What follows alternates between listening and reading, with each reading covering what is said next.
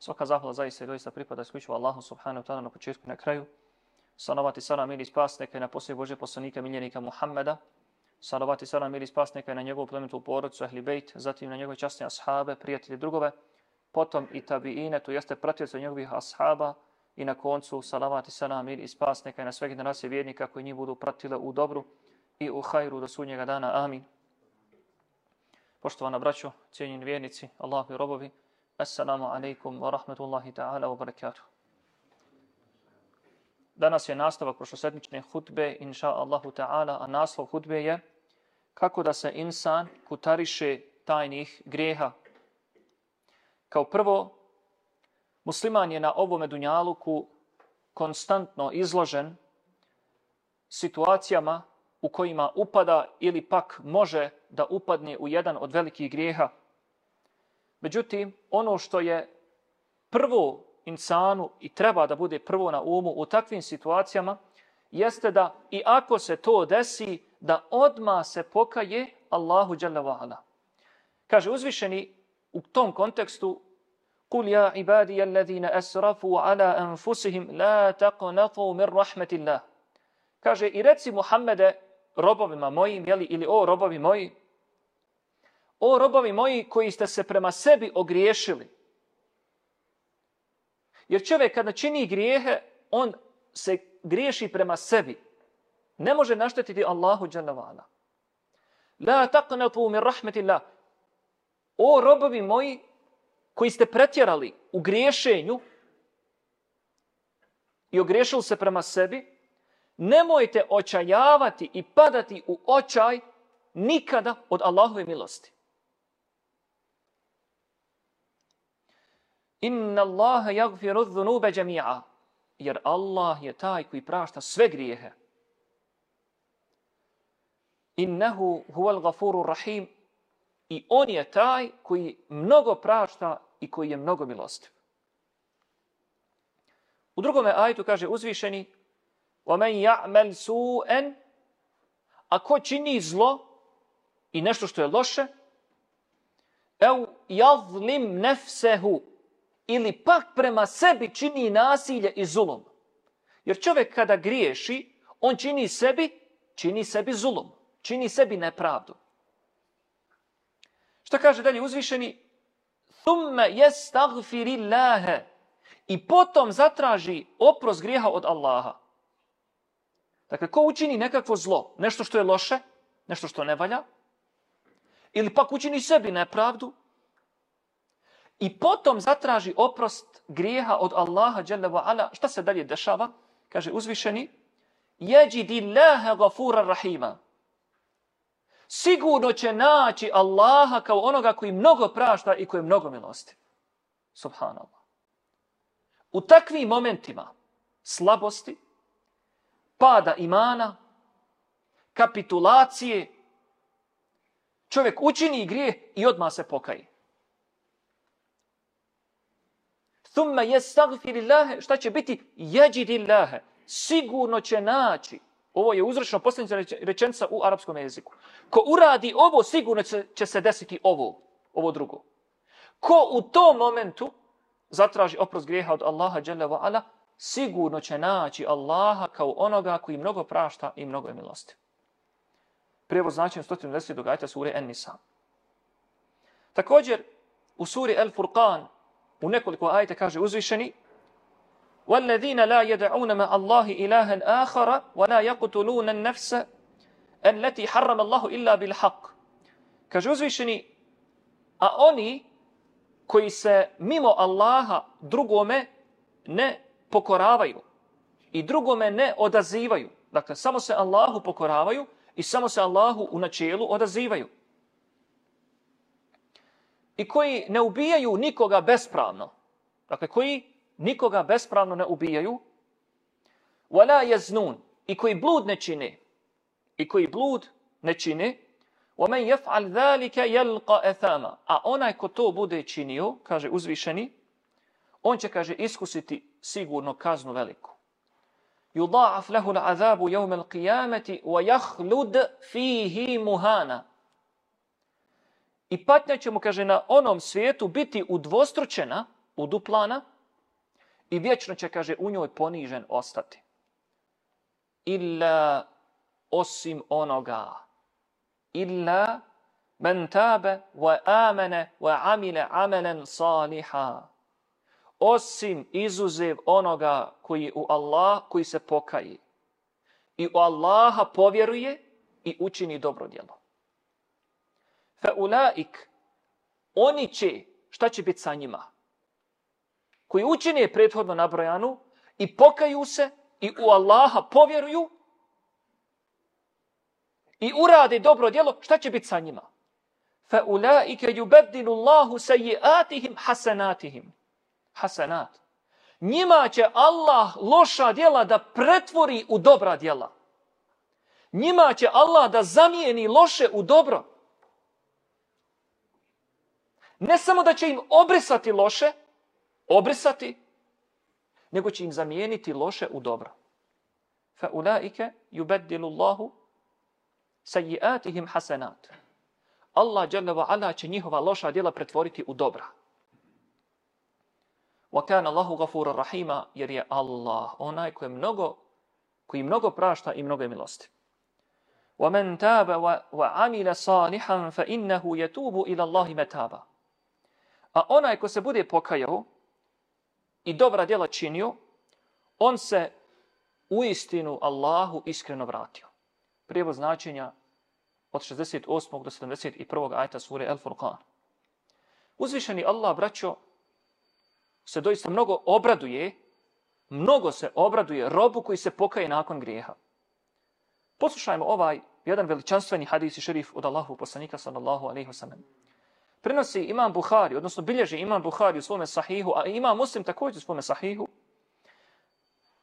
da je poslanik sallallahu alaihi sallam rekao innal mu'mina yara dhunubahu ka'annahu qa'idun tahta jabalin yakhafu an yaqa'a alayh. Ako je čovjek vjernik ako čovjek ima imana u srcu on kaže kada čini grijehe znate kako se osjeća? Kaže poslanik sallam osjeća se kao čovjek koji sjedi ispod stijene i brda i plaši se da ne patni na njega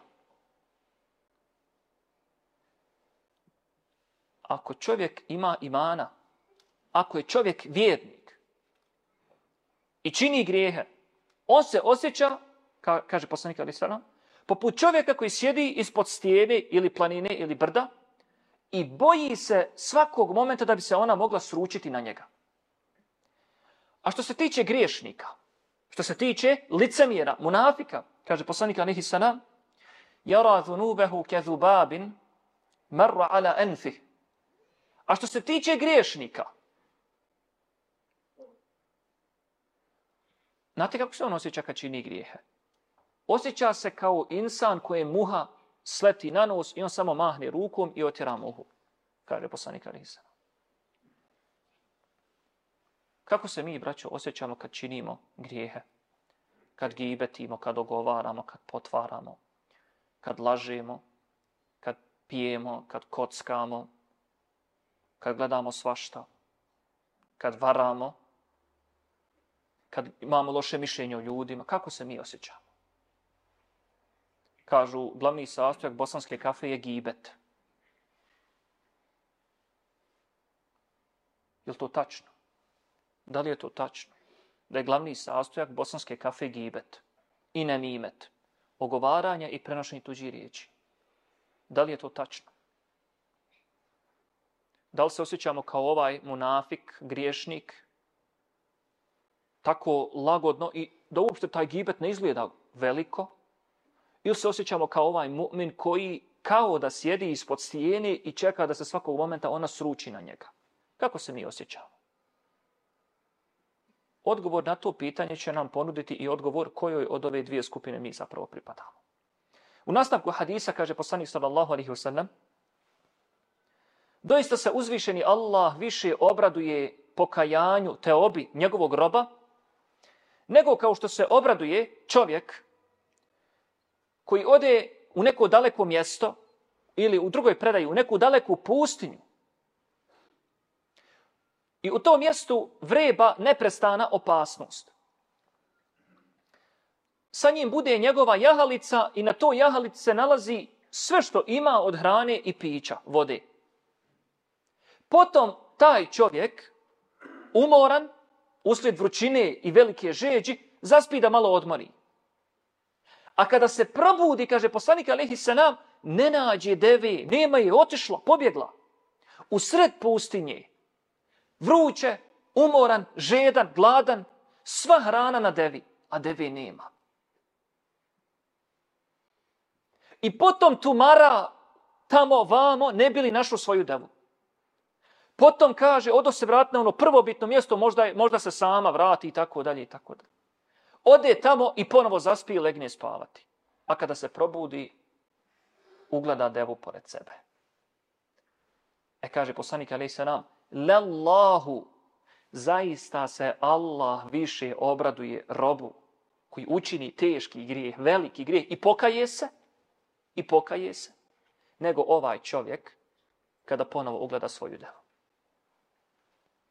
U predaj kod imama muslima stoji jedan dodatak jako interesantan, ovoj priči o ovome čovjeku sa devom i jahalicom u dalekoj pustinji, pa mu ona pobjegne, tu sva hrana i pića, i kaže, i on se probudi i ustane, kaže, i ugleda svoju devu i od silne radosti i čežnje što je ugledao tu devu, i pogotovo što će se napiti i najesti i tako dalje, on od silnog uzbuđenja pogriješi i kaže, Allahu moj, ti si moj rob, a ja sam tvoj gospodar. Subhanallah. A Allah se više obraduje robu, griješniku, kockaru, kladioničaru, alkoholičaru, bludniku, lažovu, klevetniku, kradljivcu, lopovu i tako dalje, ako se istinski pokaje odmah nakon grijeha. Drugo, obaveza je muslimanu da se strogo čuva, da se strogo čuva tajnih grijeha, pogotovo i posebno, iz više razloga, prvo uzvišeni je rekao, i to smo citirali prošlog petka, jestahfuna mine nasi, wa la jestahfuna min Allah. Da ne budemo od ovi o kojima Allah govori. I oni se sakrivaju od ljudi, da ih ljudi ne vide što griješe, a ne sakrivaju se toba jarabi od Allaha. Pa valjda je Allah preći da se njega sakrivamo. Koga to insan farba? Koga to mi glumimo? Šta to insan glumi? Šta to insan... Šta prolazi kroz tu glavu? Koja se sakriva od ljudi, a ne sakriva se od Allaha. Pa Allah ima najjaču obaveštajnu službu na Dunjaluku. Evo ih dvojica ovdje, jedan na desnom, jedan na lijevom ramenu. Najjača obaveštajno sigurnostna agencija na Dunjaluku. Čega se sakriva? Jestahfune mine nas. Sakriva se od ljudi. Wala jestahfune min Allah. A ne sakriva se od Allaha.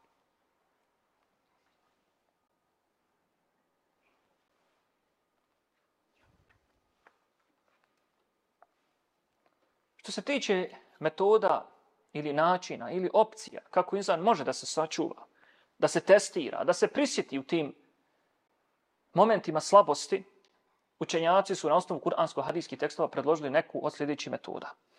Prvo, da insan ciljano i svjesno pribjegne dovi, dovi Allahu Đalla Vahana, da što skromnije, što skrušenije i što jednostavnije se obrati Allahu dželevala, a ne ljudima. Danas je trend i praksa da ljudi u musibetu se obraćaju ljudima umjesto Allahu. Kaže uzvišeni وَإِذَا سَأَلَكَ عِبَادِي عَنِّي فَإِنِّي قَرِيبٌ Kada te Muhammede, moji robovi, upitaju za mene, reci im da sam blizu. Ja sam blizu. Uđibu da'vete da'i idha da'an. Odazivam se molbi molitelja kada me pozove. Ali šta ako ne pozovem Allaha? Kako će se odazvati?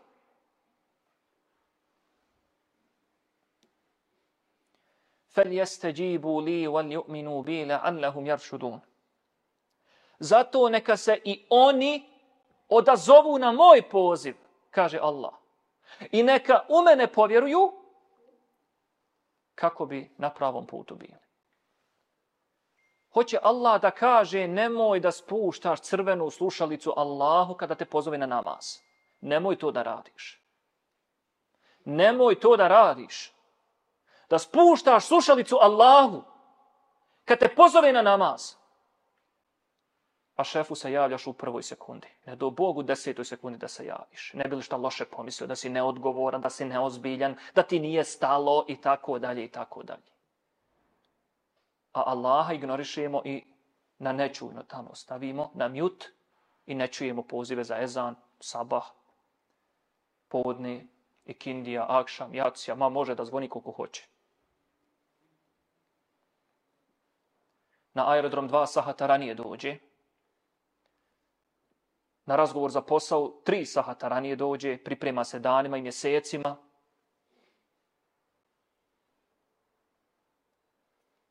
i prespava sabah, kaže, ja imam tvrd san. Let u pola tri ujutru ili u četiri, oni tri sata ranije na aerodromu. Bez ikakvih problema. Razgovor za posao dođe dan ranije. U KFR na produženje vize u 8, pola 9 se otvara, on je u 6 tamo pred KFR-om, čeka u 6, jeste. I opet prespao sutra dan sabah, kaže, imam tvrd san, nećem alarm. To su modifikovani savremeni oblici, ni manje ni više nego očitog prisutnog licemjerstva kod ljudi i dvostrukih hašina. Druga metoda kojom se insan može izboriti protiv tajnih grijeha jeste konstantna borba protiv nefsa, protiv duše, protiv šetanskih došaptavanja, vesvesa i tako dalje. Uzvišeni u suri Ešems kaže wa nafsin wa ma sawaha i tako mi duše i tako mi onoga koji je stvorio fa alhamaha fujuraha wa taqwaha pa je nadahnu da zna da zna duša šta je griješenje a šta je bogobojaznost zna naša duša braćo vrlo dobro ona zna šta valja a šta ne valja kad efleha men zekaha i doista je uspio i uspjeće onaj koji je očisti. Uspio je i uspjeće onaj koji je ukroti, koji je stalno čisti. Wa kad habe men desaha a bit će doista izgubljen onaj koji je pusti da ona ide na stramputicu. Prijevod značenja sure Ešems od 7. do 10. ajta. U suri Al-Ankebut kaže uzvišeni وَالَّذِينَ جَاهَدُوا فِينَا لَنَهْدِيَنَّهُمْ سُبُلَنَا وَإِنَّ اللَّهَ لَمَعَ الْمُحْسِنِينَ Mi ćemo sigurno putevima koji nama vode uputiti, a Allah zaista jeste na strani onih koji dobra djela čini. Treći način kako se insan može oduprijeti ovoj pošasti jeste da se sjeti haditha od Thaubana, kojeg smo citirali prošlog petka radi Allahu ta'ala anhu, u kojem je poslanik Alihi Sanam rekao da će biti ljudi od naše kože, iz našeg naroda, koji govore našim jezikom, doći će na sudnji dan sa brdima, planinama dobrih dijela. Klanjat će čak i noćni namaz. Čak i noćni namaz. Pa će im Allah sve što su dobra uradili pretvoriti u prašinu. Pa će upitati ljudi Allaha, pa šta je on uradio? Pa će biti rečeno, on je kada se osami, kada dođe jedan na jedan u mat poziciju, šta je radio? Kršio Allahove zabrane. Kršio Allahove zabrane. U javnosti jedno, u tajnosti drugo. U kući jedno ponašanje, na poslu drugo, u džami treći. Njegov javni život i tajni život nisu bili na istoj crti. Živio dvostruki život. kad god nas šetan bude htio da prevari, samo se sjetimo toga da čovjek klanja 30 godina. Daje sadaku 40 godina. Posti čitav život, uči Kur'an danonoćno, mjesečno, sedmično, nije bitno. I da dođe kod Allaha i da mu to sve bude pretvoreno u prašinu, samo zato što je imao 5 minuta slabosti i dozvolio sebi ono što nije smio da dozvoli.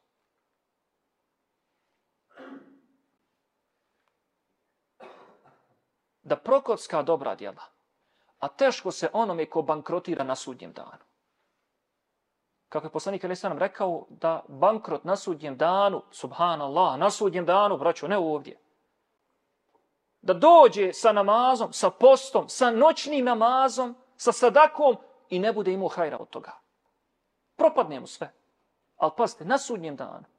A još je gori bankrot od njega onaj koji je činio grijehe i dođe na sudnji dan, traži svoje pajdaše iz kladionice, iz kafane i tako dalje, pa mu Melek kaže, jarane, oni se pokajali nakon tvoje smrti. Ti si umro na tome na čemu si umro, oni tvoji jarani, svi se pokajali od reda. Svi se vratili Allahu, oni u džennetu. Subhanallah.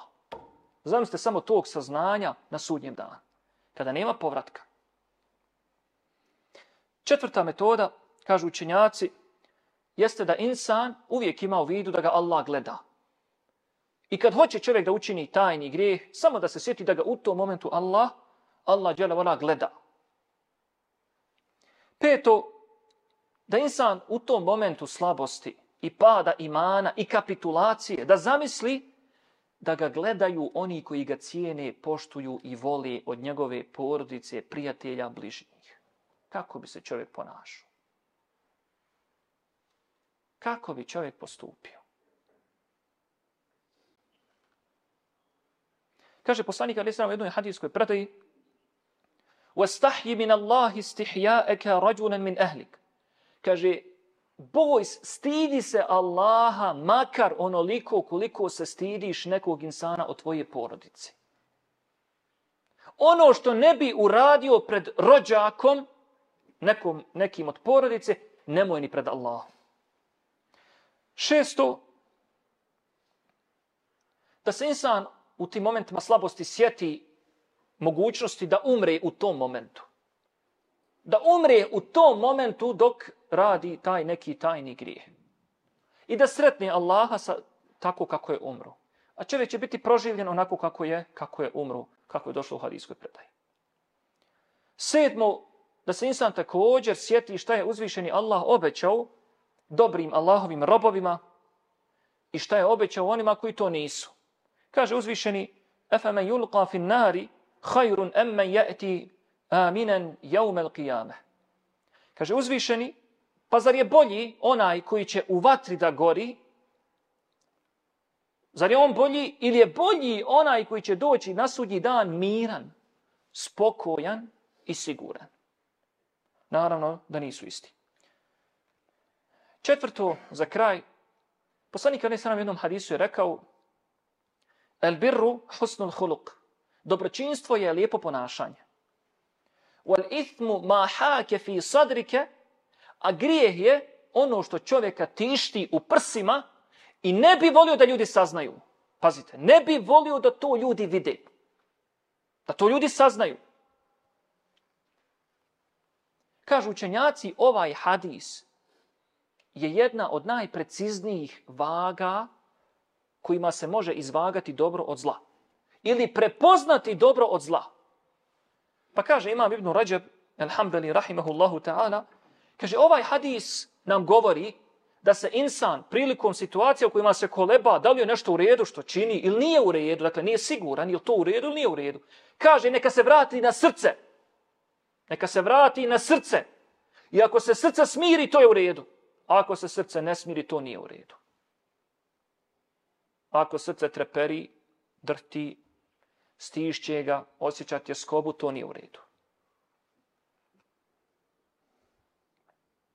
Kaže dalje, i u ovome hadisu imamo i šaret, imamo naznaku, da je grijeh takav po prirodi da ostavi traga na čovjekovim prsima, da se osjeća loše, osjeća se ružno, možda čak osjeća i stid pred ljudima. Izbjegava tu temu o kojoj se govori, osjeća se tegobno, pa čak po nekim učenjacima, kako kažu, može da se vidi i tama grijeha na njegovom licu. I za kraj, u kontekstu ovoga hadisa, jedna veoma, veoma bitna napomena od šeha Muhammeda ibn Uthaymina, rahimahullahu ta'ala, koji kaže da ove riječi poslanika, alaihi salam, da je grijeh ono što čovjeka tišti u prsima i ne bi volio da ljudi saznaju. Kaže, ja, ali se to ne odnosi na svakog insana. Ovo se odnosi samo na onoga koji ima čista prsa, zdrava prsa, a ne nekog okorjelog kockara. Jer ako, ako okorjelog kockara pitate, on njemu donese milion eura, njemu nije dovoljno, on će sve prokockat. I on uživa u tome. Ili alkoholičara, ili bludnika. On uživa u tome. Nije on mjerilo. Kaže šejh, ovo znači da nije mjerilo svi ljudi svijeta. Nisu svi mjerilo i ne mogu biti svi mjerilo. Mjerilo su oni koji su bogobojazni. Pa ih Allah iskuša grijehom. Dakle, koji su u osnovi vjednici koji u osnovi klanjaju, posti, daju zekat, pa u momentima slabosti učini ono što ne valja.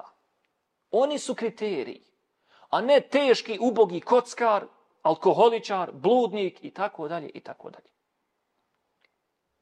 Molimo gospodara svjetova da nas sačuva od tajnih grijeha, od svih velikih grijeha. Allaha džele voda molimo njegovim lijepim imenima i najuzvišenim imenom da ne dozvoli da budemo od onih koji će bankrotirati na sudnjem danu, kada povratka nema. بارك الله لي ولكم في القرآن العظيم ونفعني الله وإياكم بما فيه من الآيات والذكر الحكيم أقول قولي هذا وأستغفر الله لي ولكم فاستغفروه إنه هو الغفور الرحيم واذكروا الله يذكركم واشكروه على نعمه يزدكم ولذكر الله أكبر والله يعلم ما تصنعون